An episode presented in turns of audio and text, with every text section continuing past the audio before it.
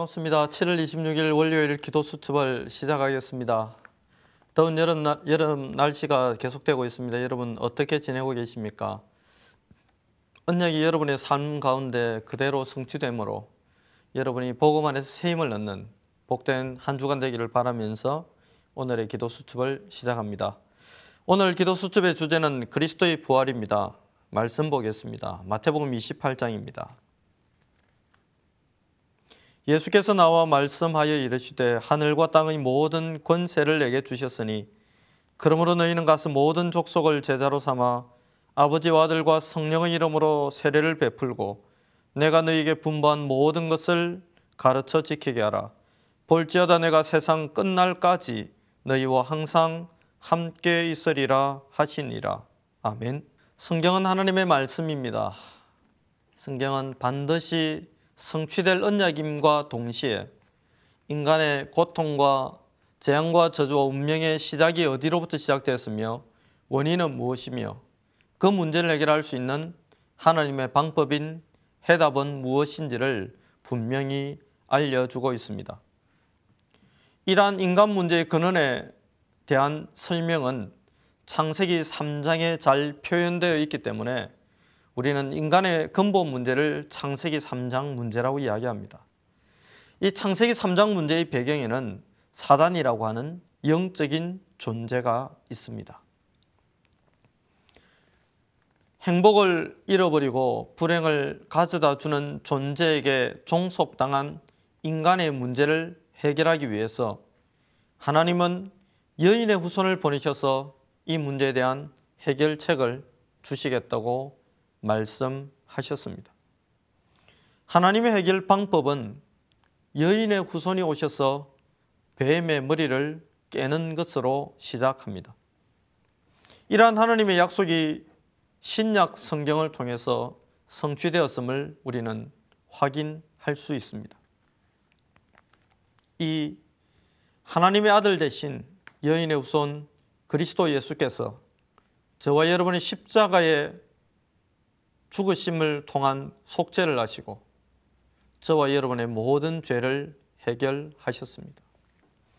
이 그리스도 예수께서 죽음에 머물러 있지 않으시고 부활하심으로 우리에게 참된 소망과 참된 언약의 성취의 비밀을 알려주셨고 우리의 문제 해결자 되신 예수 그리스도께서 하나님이심을 스스로 증명하셨습니다. 첫 번째, 성경에 예언된 예수 그리스도의 부활입니다. 예수 그리스도의 탄생과 죽음이 성경에 예언되어 있는 것처럼 예수 그리스도의 부활 또한 성경에 예언되어 있습니다. 이 십자가를 통해서 우리가 알아야 할 것은 우리가 십자가에 죽어야 될 만큼 비참한 존재라는 사실입니다. 십자가의 죽음을 맞아야 될 만큼 비참한 존재인 우리를 대신하여 인간의 몸을 입고 오신 그분이 십자가에 죽으셨습니다. 이 십자가의 죽음과 부활은 구약에 약속된 하나님의 약속의 성취를 분명하게 나타내고 있습니다.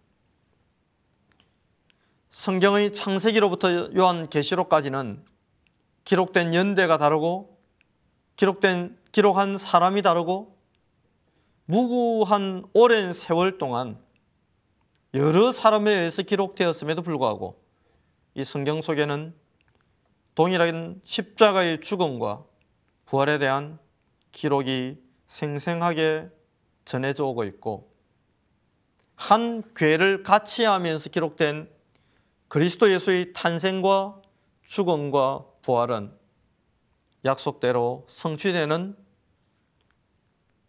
언약 성취의 현장을 우리는 성경을 통해서 확인할 수 있습니다. 두 번째, 역사적 사실인 예수 그리스도의 부활입니다. 예수님의 십자가의 죽음에 대해서 세 가지 설이 있습니다. 도난설입니다. 누군가 십자가에 달려 죽으신 예수 그리스도를 무덤에서 훔쳐갔다는 이야기지요.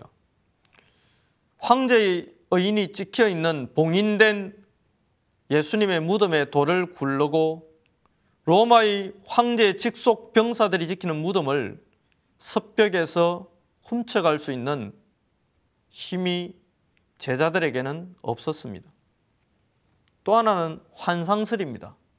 너무 예수님이 보고 싶으니까 헛것을 보았다는 것이죠. 헛것을 보았다면 동시에 수십 명에게 또 시간과 장소를 달리하여 수많은 사람들에게 허다한 무리와 증인들에게 예수님이 나타난 것은 인간의 환상설이라는 설로는 설명할 수가 없습니다. 또 하나는 기절설입니다. 완전히 죽지 않고 기절했다가 다시 살아났다는 것이지요. 어쨌든 이 세 가지 가설을 종합해 보면 분명히 예수님을 본 사람이 있고 예수님을 만난 사람이 있고 40여일 동안 이 예수 그리스도를 체험한 사람이 있다는 것이죠.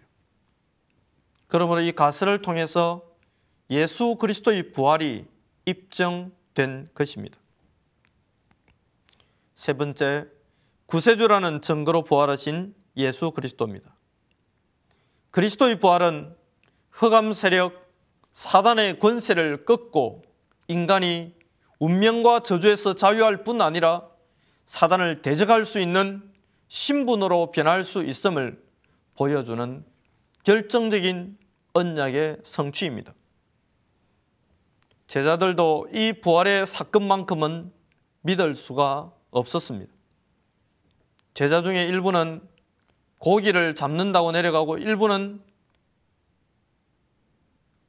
짝을 지어서 고향으로 떠나기도 했습니다.